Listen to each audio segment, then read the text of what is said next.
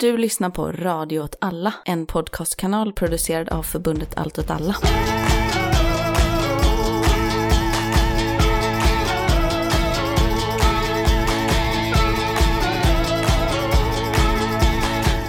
Hej och välkomna till Eld och rörelse Udda krig och perspektiv. med mig, Martin Hansson. Och med mig, Myran Andersson.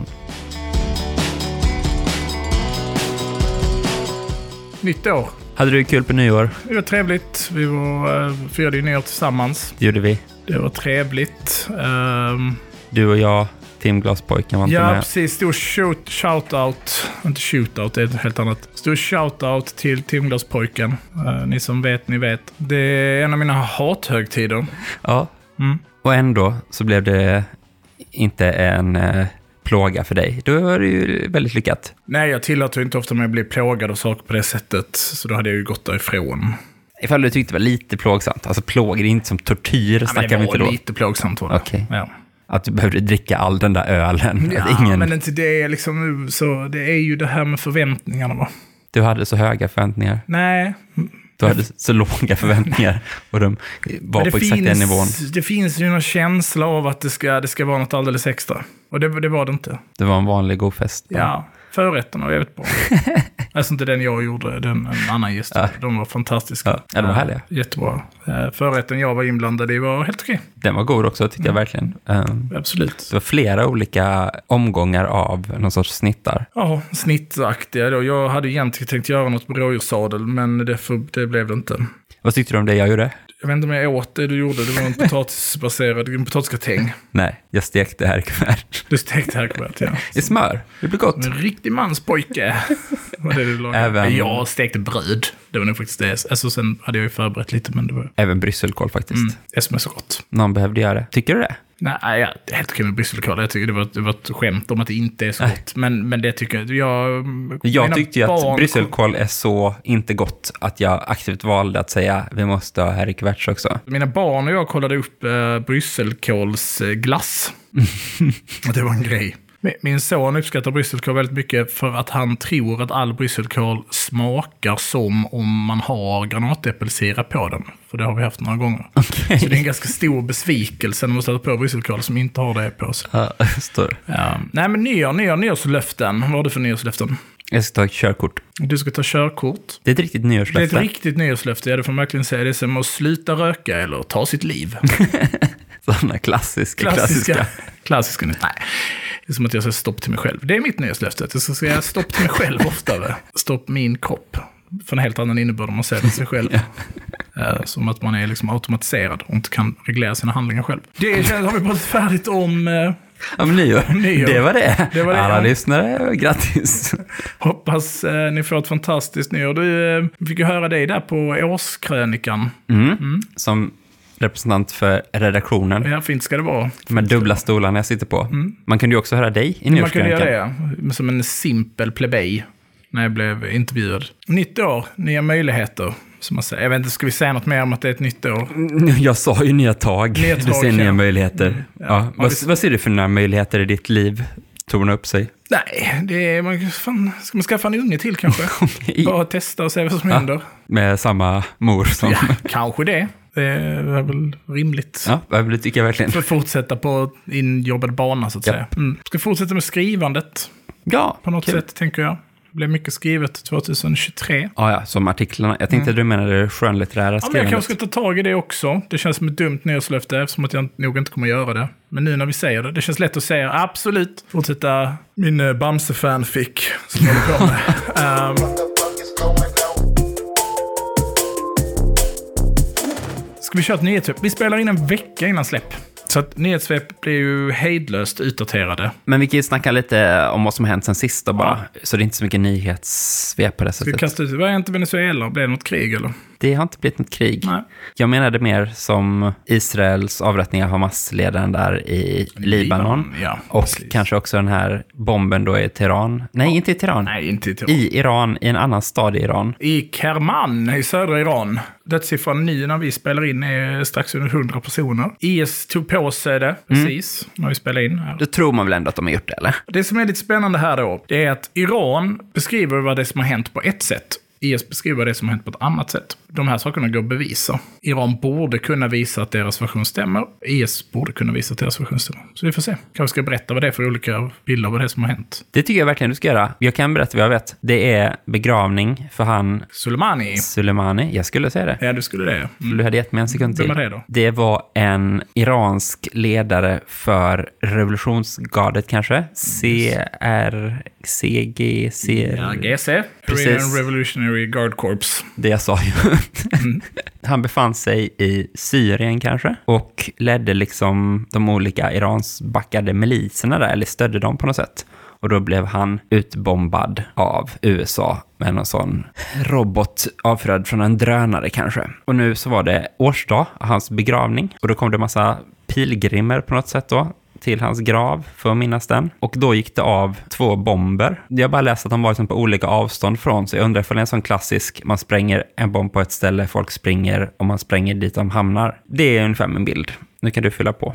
Ja, nej men precis. Det, det handlar ju om, om eh, eh två detonationer då. Eh, I närheten av eh, Al-Saman-moskén. Där det finns en militärkyrkogård. Där eh, Soleimani ligger begraven. Den första detonationen sker ett par hundra meter från checkpointen. Checkpointen in till själva begravningsviloplatsen. Det heter ju inte en kyrkogård. Nej, såklart det inte heter, men det är gravplats. eller? Gravplatsen. Mm.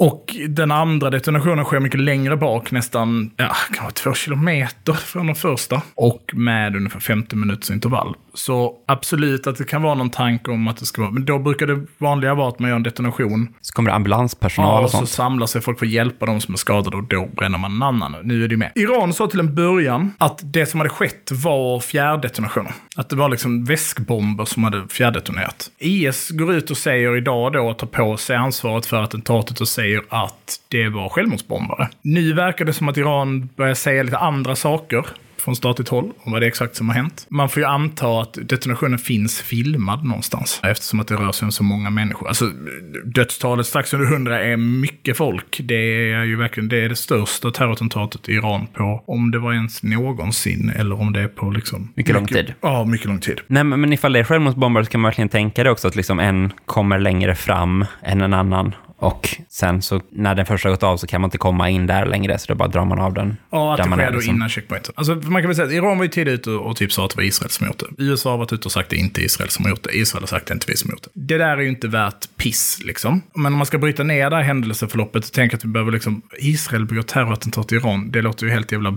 bonkers, liksom. Mm. Precis, vad finns motivet till det i sådana fall? Men då ska man komma ihåg att Israel har en historia av att utföra attentat i Iran. De har oftast varit väldigt specifika, att det har varit lönnmord på forskare. Man har Stuxnet-hacket, som är när man hackar eh, kärnreaktorer på ett väldigt komplext sätt. Det har vi gjort ett avsnitt om, om jag inte missminner mig. Det är väl centrifugerna som upparbetar uran man Mm. hackar, så att de kör sönder. Men så då har man de här drönarattackerna. Jag vet inte om du kommer ihåg dem som varit ett gäng drönarattacker mot typ eh, ja, krigsindustri i Iran. Ganska spektakulära sådana där man liksom har attackerat lagerhus och sånt. Och de har liksom, ingen har riktigt tagit på sig dem. Så att uppenbart har ju Israel aktörer i Iran som är beredda på att begå attentat där.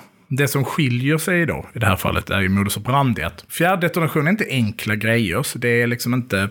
Det talar ju för en högre kompetensnivå hos de som utför det. Och hade målen, målet för fjärrdetonationen varit en bilkaravan till exempel, där någon viktig person kom, ja, då hade inte Israel känts helt omöjligt. Alltså, det är ju det här med den liminala krigsföringen, det här begreppet som jag ofta återkommer här. Alltså att Israel pratar ju själva nästan om att de bedriver liksom en omvänd terrorrörelse. Liksom. Att vi använder samma metoder som vår fiende gör för att liksom svara på deras attentat. Istället för att gå liksom i fullständigt krig så, så gör man den här typen av sabotageattentat. Ganska lika en typisk icke-statlig aktör. Det är väl som har hela tiden pekat på, som får, får en att tänka att det här inte har varit Israel, är just det med modus operandi. Att så här, vad gynnar det Israel att det dör hundra civila iranier? Som inte heller uppenbart är något högt uppsatta eller Nej, någonting. nej, liksom. precis. Vad, vad gynnar det dem? Det är tvärtom stärker det ju här. Om, om det skulle, skulle Iran kunna peka ut att det är Israel som har gjort det här, så stärker det ju Irans ledarskap. Men sen finns det ju en mellanväg här, som är att Israel har aktörer i Iran. Och precis som vi vet om aktörer så är de liksom inte som marionettdockor som är 100% kontrollerade av sin ondskefulla herre som bestämmer vad de ska göra. Liksom. Utan det är människor med egen agens och vilja och drivkraft. Och är det då inte betalda agenter från Mossad, liksom, utan det är en grupp man stödjer, ger information till, betalar kanske. Förser med materiell och sånt. Ja, och information. Ja, den skulle ju kunna göra den här typen av attentat. Men det bryter som sagt mot de tidigare. Så nej, jag skulle säga att om om jag skulle gissa vad det är som har hänt nu, och det är verkligen en riktig spekulation som ni såklart förstår, så skulle jag säga att det kommer visa sig att Iran inte kan motbevisa självmordsbombarbiten. Och kan de inte det,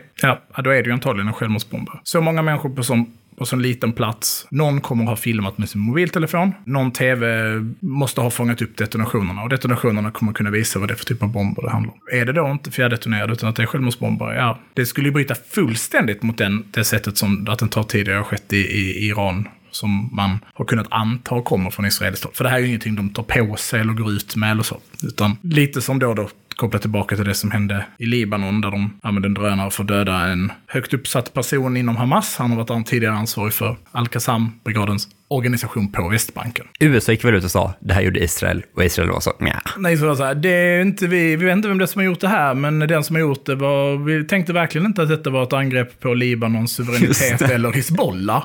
Man bara, hur vet ni vad de tänkte? Det känns som att ni känner den här killen ganska väl. Men ja, vi får väl se vad som har hunnit komma ut om en vecka när det här, eh, det här släpps. Men jag tänker att det kommer ner till det. Skulle det vara en självmordsbombare, jag ska säga att IS också har namngivit självmordsbombarna.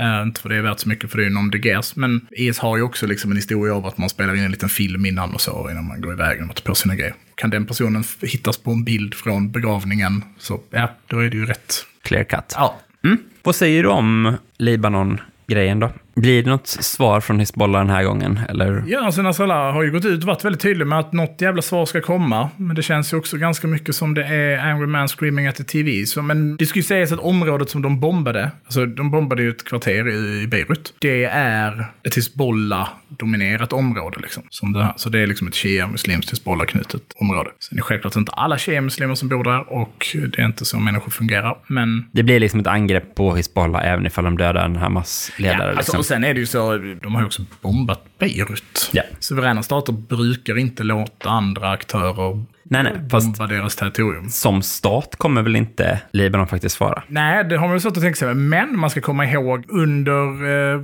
kriget 2006, då aktiveras ju Libanons luftvärn och så för att liksom förhindra israeliska flygplan. Och nu flyger ju Israel över Libanon, inte bara med drönare, men de flyger ju också över Libanon med, med eh, jaktflyg. Och det brukar man inte heller som suverän stat tillåta.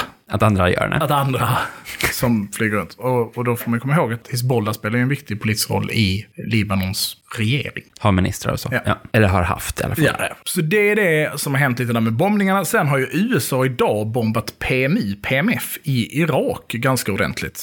Eh, Bagdad, ett logist logistiskt högkvarter, logistikhögkvarter som har bombat som svar på att olika grupper i Irak har beskjutit amerikanska baser typ 150 gånger sedan 7 oktober med raketer och drönare. Det är inte så konstigt att man, det är ett land där man har militärbaser liksom, och får ha det. Liksom. Får inte ha det. Får inte de har blivit ombedda att lämna. men alltså, det, de blir inte utkastade riktigt av staten nej, i sig. Nej. Men liksom folk agerar lite på egen hand. Ja. Och då svarar man lite med att kriga lite i det landet på egen hand. Men liksom, det är en väldigt, väldigt märklig liksom, Nej, dynamik. det är väldigt mycket som är märkligt. Det var, jag skrev lite om det här på, på Twitter idag och då svarade någon så, ja men man visste ju att USA skulle, det är inte så konstigt att USA svarar så. Nej, det är inte så konstigt att USA. Men det är ganska konstigt att USA har militärbaser i det här landet. Om landet har bett dem att sluta ha Då det. Då är det ju en ockupation. Alltså per definition. Att, ja, det är inte så konstigt USA. Nej, nej, det är inte så konstigt. Det är inte heller jättekonstigt att man angriper militärbaser till andra nationer som finns i ens land mot ens vilje. Nej, precis. Men det är ju lite så. Det är väl irakiska statens uppgift då att ett, faktiskt kasta ut amerikanerna. Två, ta hand om folk som angriper olika mål spontant. Liksom. Det får man inte heller göra. Det borde staten vara så. Ingen får hålla på att angripa. Men då är det så. Och är inte PMI, PMF en del av den uh, irakiska staten? De har ju blivit inkorporerade i den reguljära armén. Så att det är ju en del av den reguljära armén som angriper, om det nu är PMU och PMF, vilket USA då säger att det är, eftersom att det är de de bombar. Så att det inte bara har USA blivit angripna då, enligt deras eget tycke, av irakiska armén eftersom att de underställer den irakiska armén. USA har också bombat den irakiska armén idag. Men då måste jag fråga, hur underställda är de faktiskt? Är det liksom en väldigt mycket papperskonstruktion? Nej, men alltså delar av dem är väl väldigt underställda. Liksom. Men andra delar är nog inte det. Vi ska ju faktiskt komma till det. Både IS och PMU PMF är ju rätt relevanta för dagens ämne. Men jag tycker inte vi ska snäa in så mycket mer än så här. Det som är väl eh, pågår i Gaza pågår fortfarande. Det har väl börjat komma ut lite kritik från omvärlden. Jo, jo, alltså Sydafrikas... Eh, Precis, det kan ju vara värt att nämna. Jag tänkte från, från både från eh, Europa och eh, USA kom det väl ett, ja vad var det, deras infrastruktursminister eller vem det var, som var så, ska de inte bara bo någon annanstans? Är det inte bättre för dem att de bara inte bor här? Israels, ja, precis. Ja. Eh, Det är ju två ministrar från de här riktigt högerextrema partierna som har sagt att det är önskvärt att man liksom fördriver palestinierna och gör bosättning av Gaza. Det är inte en finansminister Jo, just det, så är det. Det är han som innan 7 oktober var ute och sa att man måste se att Hamas är en tillgång för Mm. Israel eftersom det omöjliggör en palestinsk statsbildning och sådana saker. Just det. Han har varit ganska öppenspråkig när det kommer till eh, Väldigt cyniska liksom. eh, hur man i realpolitiskt förhåller sig till Hamas.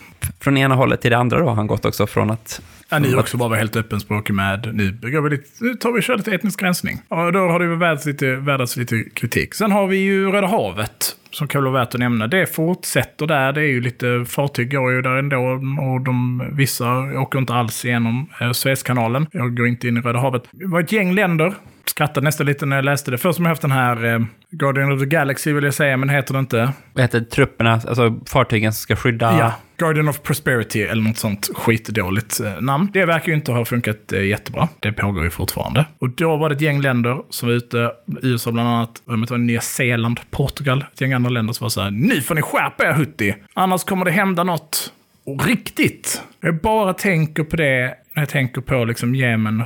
Vad fan ska ni göra som Saudi inte redan har gjort? Den här gången skickar vi ännu mer barnsoldater och odiskriminerat bombar Jemen. Men kanske man har lite skickligare då helikopterchaufförer än vad Saudiarabien kan uppbåda. Ja, de kanske är bättre den här gången. Den här gången, det här blir höstrået som knäcker kamelens rygg. Ja, nej, det kommer det självklart inte Nej, bli. så den fronten är väl den som, som jag pratat om tidigare, som känns som att den måste ju lösas på något sätt. Alltså det är ett riktigt problem. Det är för varje dag som går så måste det här kosta enorma mängder pengar. Och eftersom att Netanyahu vill fortsätta med detta, först sa han ju att det bara var några veckor och nu så har han ju backat på det, så nu ska det ju hålla på några månader till. Vi kan ju få lite tidsperspektiv typ sen, vad det, ungefär vad det tar att göra den här typen av operationer som han försöker sig på. Ska liksom Suezkanalen var ett osäker passage för fraktfartyg i ett år. Är det det, är det, liksom, är det, det scenariot? Eller ska USA intervenera i Jemen eh, och ska dra sig in i ett nytt? Nej, det känns ju osannolikt. Men... Men den här gången kommer det funka. Ja, Vi precis. kommer inte behöva stanna i 20 år och sen åka hem igen och se allt som business as usual. Liksom. Nej, men och eh, Netanyahu vill väl inte heller avbryta förrän hans opinionssiffror börjar se bättre ut. Och det kan väl ta hur länge Ja, som det helst. kan ju ta ett tag. Ja. Högsta domstol hade ju slagit tillbaka mot den här eh, lagändringsförslaget som de ville driva igenom. Då var Likud väldigt arga för att Högsta domstol kom med det uttalandet under den här pågående krisen. Just det, verkligen försöka pressa igenom en chockdoktrin som Ja. inte riktigt funkar. Det är liksom, alltså liksom, så fast vi har det här jobbet, nu har vi utrett ert förslag och det är inte lagligt. Nu berättar vi det för er. Måste ni säga det nu? Måste ni? Vi höll faktiskt på med en etnisk granskning här borta, så skulle... Skulle ni kunna hålla tillbaka med det? Ja, Sydafrika har väl påbörjat någon typ av Rättsfall det i, i, i CJ, International Court of Justice, så alltså inte Haag, utan en annan FN-domstol. Vad tycker USA om den domstolen? Erkänner de den? Nej, bara i vissa fall. Ja. Det är en rolig, de har från case to case basis efter Nicaragua, där de blev dömda, Ah. så sa de, vi kollar vad domslutet blir först och sen så bestämmer vi ifall vi godkänner framtida fall. Som Min- det funkar med domstolar. Min och USAs relation till domstolar är helt identisk. Jag tittar case to case, jag tittar om jag eh, tycker att den har legitimitet, domen. Ja, nej, det kommer det inte bli något med. Jo, men det tror jag. Det tror jag att de kommer liksom bli dömda och det kommer hända någonting. Nej, men det som brukar hända, som jag har förstått det, är att domstolen kommer med ett preliminärt utlåtande där man säger nu måste kriget sluta. Det har man gjort i Ukraina. Nej, fun- då, det är därför det är slut. Ja, nej, det gör det ju inte. Jag tror inte heller det är någonting som inte spelar någon roll alls, liksom. Utan det skiftar ändå den liksom globala liksom, ställningstaganden. På grund av alla träd man behöver hugga ner för att... Nej, men stater kan ha bättre uppbackning i liksom, förhandlingar och det ena Ja. med det tredje och Uppsätta press på ett annat sätt, tror jag. Jag tror inte det avgör någonting. Men liksom, jag tror att Ryssland blev lite mer isolerat av det domslutet och liksom, Israel kan väl bli Lite lite Lite, lite. slaget på fingrarna lite grann. Ja, Attans. Rappat Ja, men jag tänker så fan de begår ju uppenbart krigsbrott nu. Alla jävla sjukhus som skulle vara olika högkvarter, där det dog olika bebisar. Var är tunnlarna? Det är liksom dags att visa dem nu. Ja, Det, det, kom inga, det fanns inga tunnlar. Det fanns den här skitsjaviga tunneljävlen de visade, där det var så här, här sitter en luft-luftpump. Ja, det här är inget högkvarter, det här var inte er fräcka 3D-modell på olika tunnlar. Såg du inte den videon när de tog fram en pistol ur en kuvös då? Alltså min favorit är ju lassen med vapen bredvid ma- äh, magnetröntgen. Vad tror du händer om man drar igång den magnetröntgen och du har ett gäng gevär liggande i sin väska bredvid? Eller, ja, äh, okej, vi kan ju ranta om det hur länge som helst. Jag bara menar liksom, om det är någon faktor i det här kriget, och det här, alltså, det ska ju verkligen sägas, Hutti eh, och jag, det delar inte särskilt många åsikter med varandra. Om Jemens framtida styre? Nej. Till exempel. Inte- Jag tror inte vi delar så jättemånga, alltså kanske matpreferenser. Ja. Kanske vi delar till exempel. Att vi har, kan uppskatta samma mat. Gillar ni ris eller pasta? Hur är det nu? De gillar ju ris. Och du? Jag gillar också ris. Och inte men jag pasta? föredrar pasta. Du föredrar pasta? Inte, Jaha. Well, men det kanske mer så, de gillar ni blomkål? Ja, om man har granatäppelsirap på den. Absolut, det är gott. Okej. Sådana saker kan vi dela med varandra. Men Hutti är liksom tokiga i huvudet. Det ska man vara tydlig med. De är en repressiv, religiös grupp som har uppstått i ett helt sinnessjukt samhälle redan innan. Alltså det var inte som att Jemen var något jävla paradis, liksom, utan det, var, det är också ett helt sinnessjukt, eh, sinnessjukt land. De de krigar mot leds liksom också av folk som är knäppa i huvudet. Mm. Men då tycker jag att det är viktigt att vi som vänster tar tydlig ställning Ja. för ena eller andra sidan ganska jag lovar slumpmässigt. att om Hutti ringer mig och frågar så kommer jag svara på det. Men det jag vill säga är att jag tror att det som händer i Röda havet är en av de sakerna som faktiskt spelar roll. Och, och det är kanske Irans skickligaste drag. Att få den kontrollen över påverkan på Röda havet. Liksom. För det här är ett riktigt problem. Det här är de här cylinderhattskillarna med monoklar som lever i en helt annan värld. och Det är deras pengar. Det här gör ont. Det här kostar riktiga pengar. För att stor, stor del av världshandeln går genom det sundet. Liksom. Ja, och det finns vissa varor du liksom i praktiken inte riktigt kan frakta via Godahoppsudden. Alltså som färskvaror till exempel. Du kan inte förlänga den resan med två veckor. Så det, det händer grejer då. Det, är klart, alltså det, det spelar roll. Och det är någonting som, som stör. Men alltså, vi kanske inte ska tjata, vi kan inte bränna hela avsnittstiden på att vi ska prata om ett utdaterat nyhetssvep. Ni lyssnar ju på det här om en vecka. Ska vi gå över till, eh, till huvuddelen? Jag tycker det.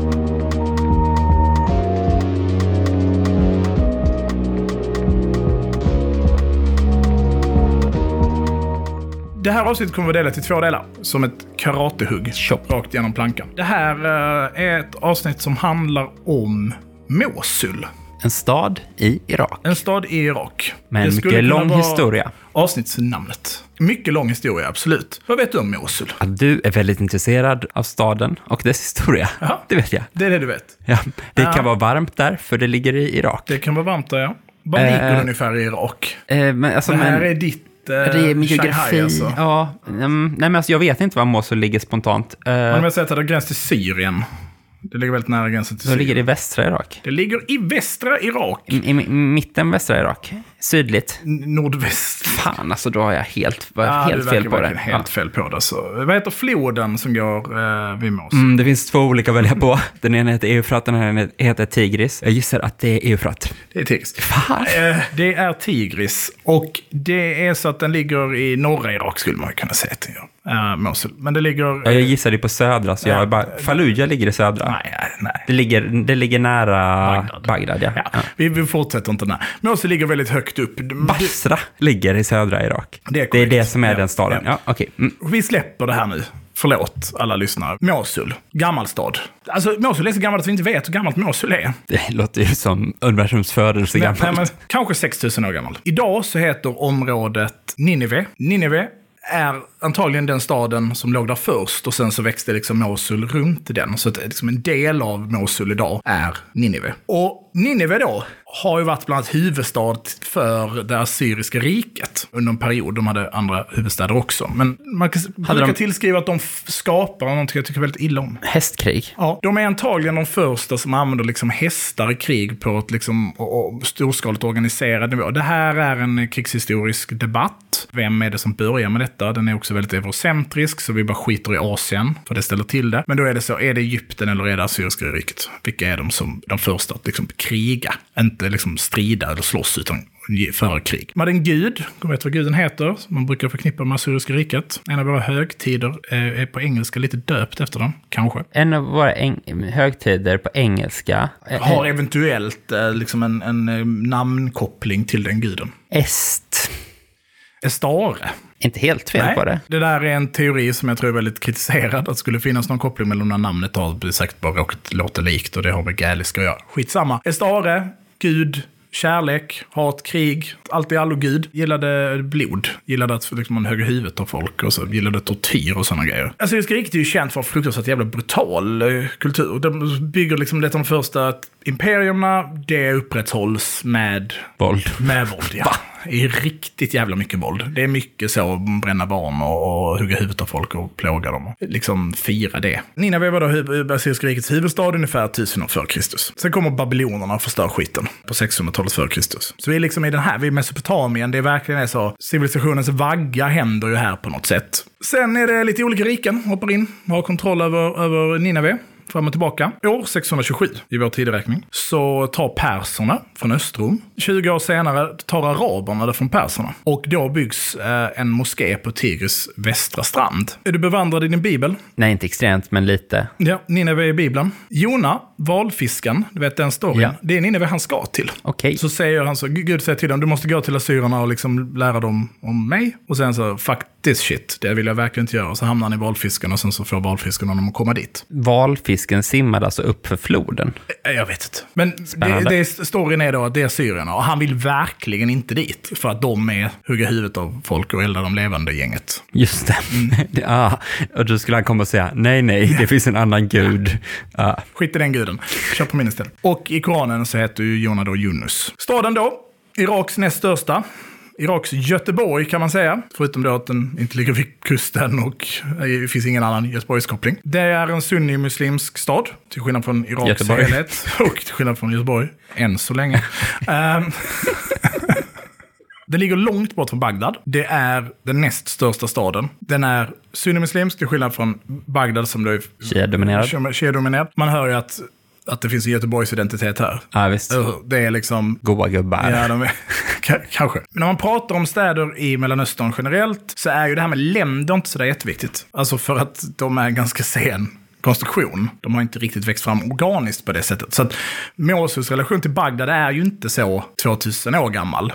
Det har ju varit lite olika riken och så ska sägas fram och tillbaka, men ottomanerna hade Mosul eh, ett tag. Och det är ju då när Mosul tillfaller Irak, så att säga, när det är Irak. Vad heter avtalet som gör att det hamnar där? Det vet jag inte, men det är ju med, är det inte fransmännen, britterna och ryssarna som delar upp eh, Mellanöstern mellan sig? Och den här linjen, Sykes-Picot-avtalet. ja, Mm. När man, eh, framförallt då Frankrike och Storbritannien i praktiken, delar upp eh, gränserna i Mellanöstern. Rolig grej med den. Du vet Lawrence of Arabia. Ja. Araberna skulle få självständighet i utbyte mot att de stred mot ottomanerna under första världskriget. Det gjorde de. Det blev inte riktigt så, eller hur? Det blev kolonier av hela skiten. Vet du hur avtalet blev offentliggjort? Om det säger att det blev offentliggjort 1917. Jaha, för att Ryssland var med på ett hörn och sen så låg de papperna bara i tsarens ja. skrivbordslåda. Så bolsjevikerna var liksom så här, ratta, ratta, ratta, vad fan är det här för jävla avtal?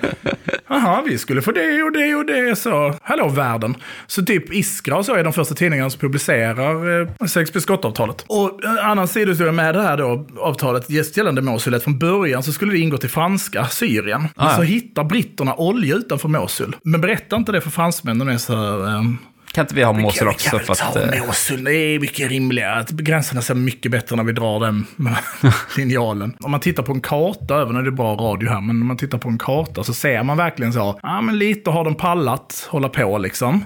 Med, med Irak. Så de har pallat. Ah, men det är noga, det är noga. Så bara, ah, fan, bara drar ett långt jävla streck där. Att de, de har pallat hålla på och följa geografin Ja, först. men Och sen så. kommer de till en punkt. Nej, vi bara drar strecket. gjort nu. Liksom. Det jag tänker att det är så när man har suttit ett par timmar och man börjat fyllna till så får det gå snabbare. Eh, Eller är det tvärtom, att de började med raka streck, fyllnade till och sen har det blivit kringel och krok. Men det är en, en annan... eh, Podd som får reda ut det. Ja, viktig då plats i Mosul är Al-Nurim-moskén med sitt lutande minaret. Varför är den viktig? På spåret-versionen här. Okej, men då, ska- för jag gissar då så tänker jag att någon utav, vad heter de, arvtagarna i islam till liksom Mohammed på något sätt kanske byggde den eller någonting. Nej, nej. Nej, nej. det var bara en gissning. Det är, den, är, den är ju den är byggd, eh, byggd på 1000-talet. 1000 år, 1100 kan man väl säga. 500 år in i islams historia eller någonting. Ja. Den är byggd eh, ovanpå en massa eh, kulturarv. Å andra Gamla sidan i tempel. Mosul och så, så är det ju alltid så. Oj, här är en staty på en flygande oxe. Den är 3000 år gammal. Det var nog någon gud. Precis. Det är där al-Baghdadi, alltså Abu Bakr al-Baghdadi, någon deger då, eh, IS ledare 2014 utropar kalifatet i den moskén. Och den utgör ju därför liksom en viktig politisk plats. Man tänker ju mycket att Raqqa är liksom IS huvudstad. Och det fick bli det sen när de hade tappat Mosul typ.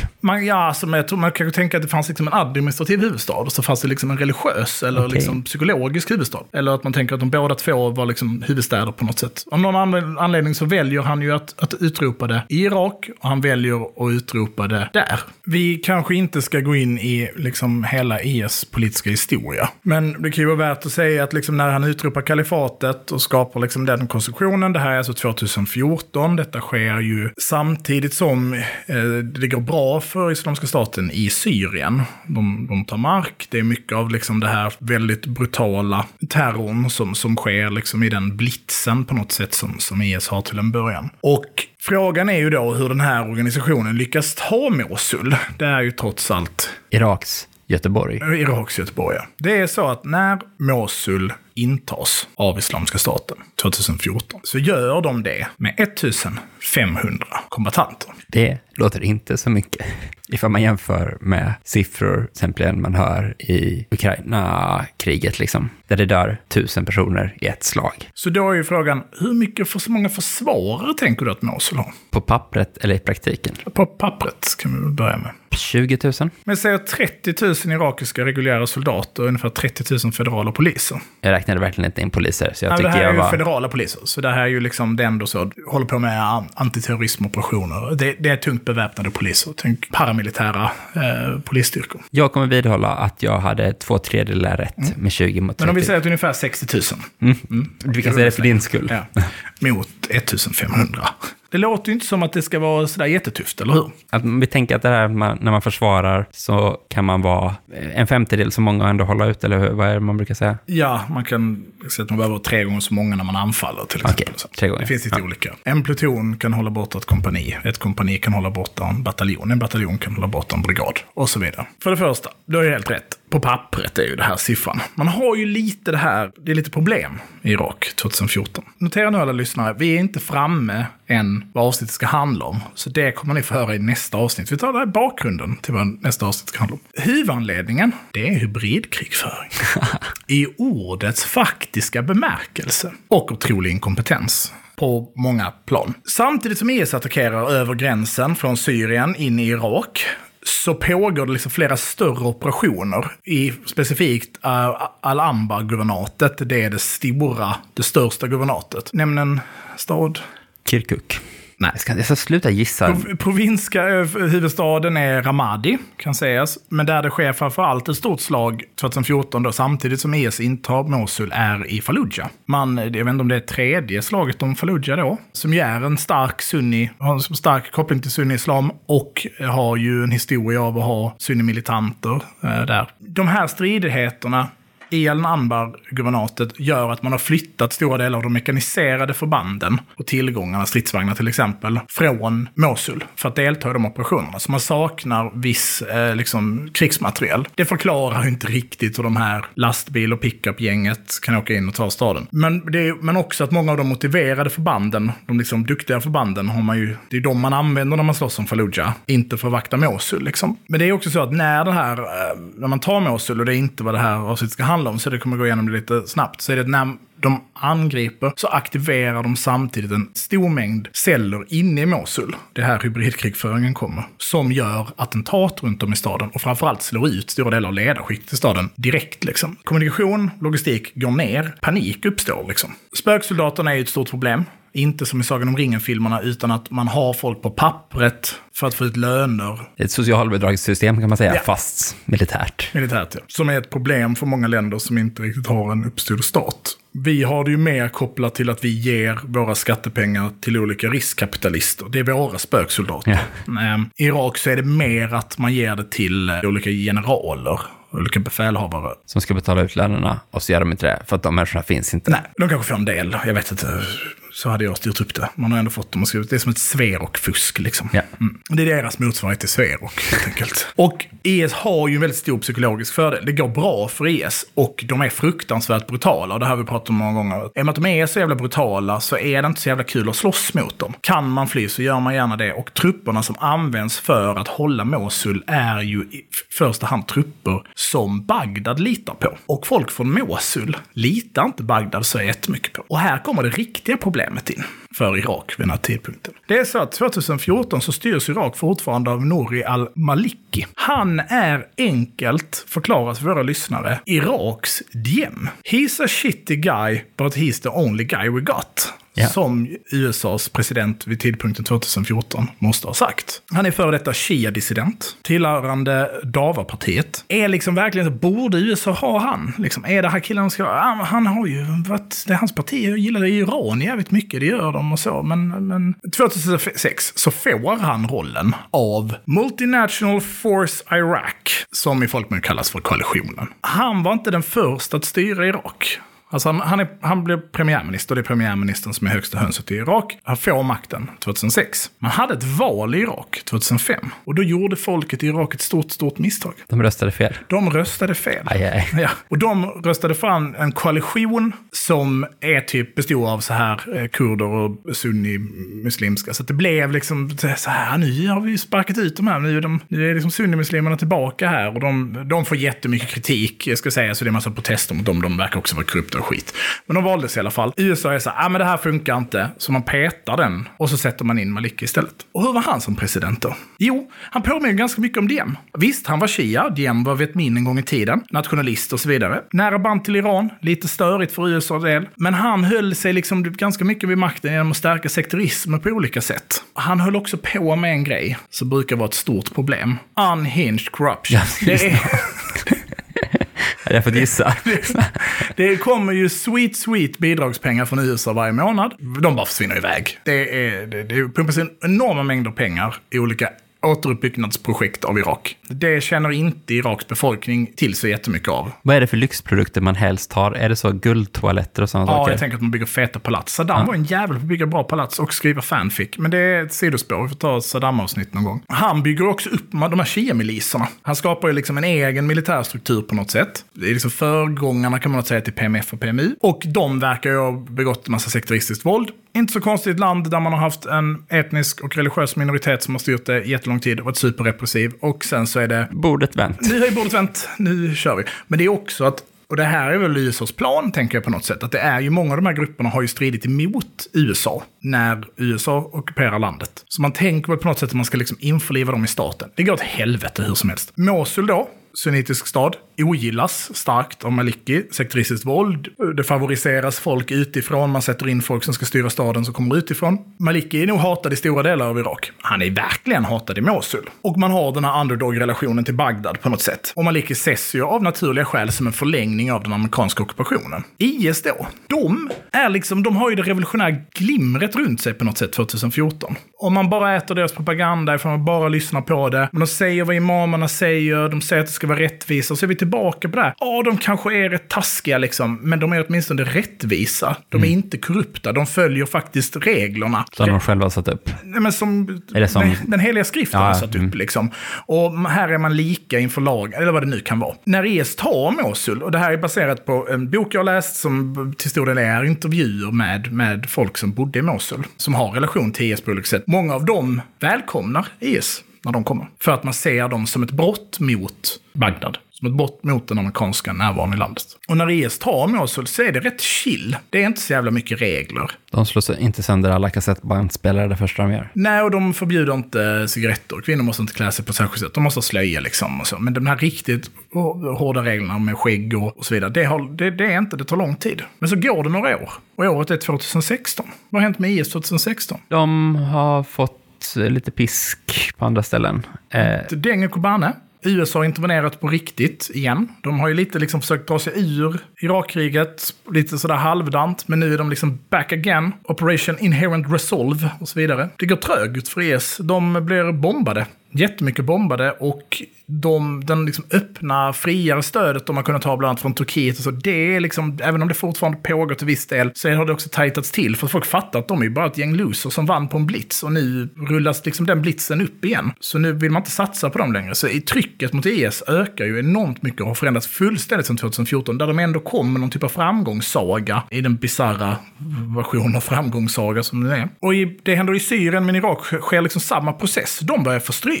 De börjar tappa mark. Det går liksom inte så bra för IS längre. Inne i Mosul så börjar då trycket öka mot befolkningen. Det är liksom halshuggningar, homosexuella som mördas, eh, spöstraff, cigaretter förbjuds och säljs av IS. Det verkar vara ett störigt system. Det är mer som att de monopoliserar cigarettförsäljningen. Det är en man som beskriver att samma person som kunde gripa det för cigarettrökning sålde också cigaretter. men nu kostade cigaretterna en dollar styck. Så det är en ofantlig mängd pengar för en vanlig irakier. det är dyrt till och med i Sverige va? Ja, det är sinnessjukt dyrt i Sverige. Det är 10 spänn per Ja, cigg. för en cigg liksom. Män ska ha skägg. Det går till ungefär så här. Du har inte tillräckligt bra skägg. De ger en lapp. Du måste inställa dig om en månad eller om en, några veckor. Visa upp ditt praktfulla knytnävsskägg. Lyckas inte med det, spöstraff. Men jag har dålig skäggväxt. Tråkigt. Köp ett lösskägg. Det är liksom, eh, man uppmanar eh, unga män, hjärntvättar dem i moskéerna, man säger gå hem till din pappa, motsätter han sig jihad så är han en fiende till jihad, då ska han dö. Kvinnor lämnar era män om de motsätter sig jihad och så vidare. Funkar det då? Gör folk det? Är det kulturrevolutionsstämning? Ja, Det är det nu delvis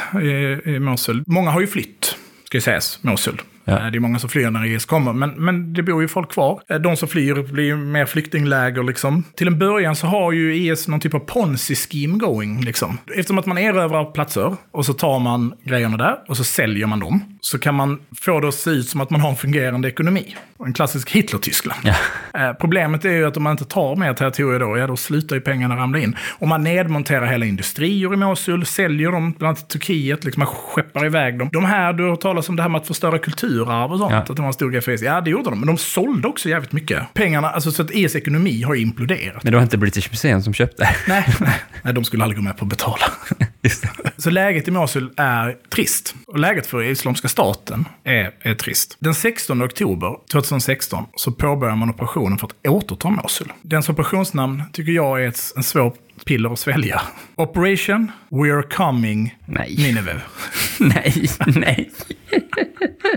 Ja, det är verkligen en av de sämsta jag någonsin har hört. Alltså. Strax därefter så börjar Peshmerga, alltså kurdiska, irakiska Kurdistans väpnade styrkor, irakiska reguljära armén och miliser, eh, alltså PMF och PMU, Iran stöttade till stor del, lite Hizbollah och så, börjar tömma byarna norr, öster och söder om Mosul och börjar liksom ta sig närmre. IS gör sig redo att försvara staden. Detta är den största militära operationen som sker i Irak sedan man invaderade Irak. Man går också över Tigris, nordväst om staden. Men man lämnar medvetet en lucka för att folk ska kunna lämna staden. Okej, i nästa avsnitt så är det tillbaka till Mosul.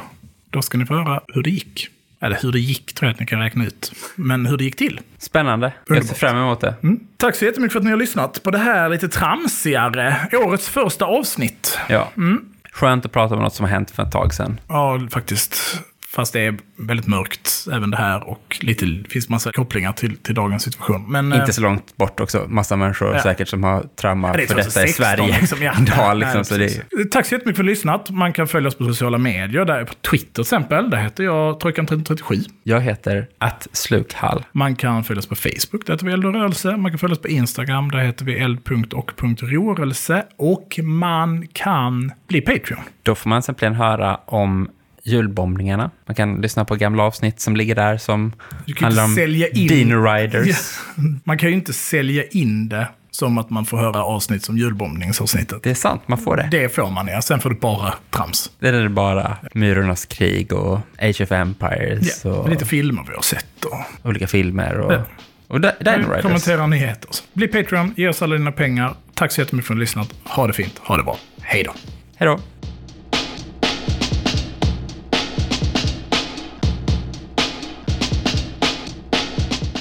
Vilken stad? Okej... Jag får klippa bort Kalle.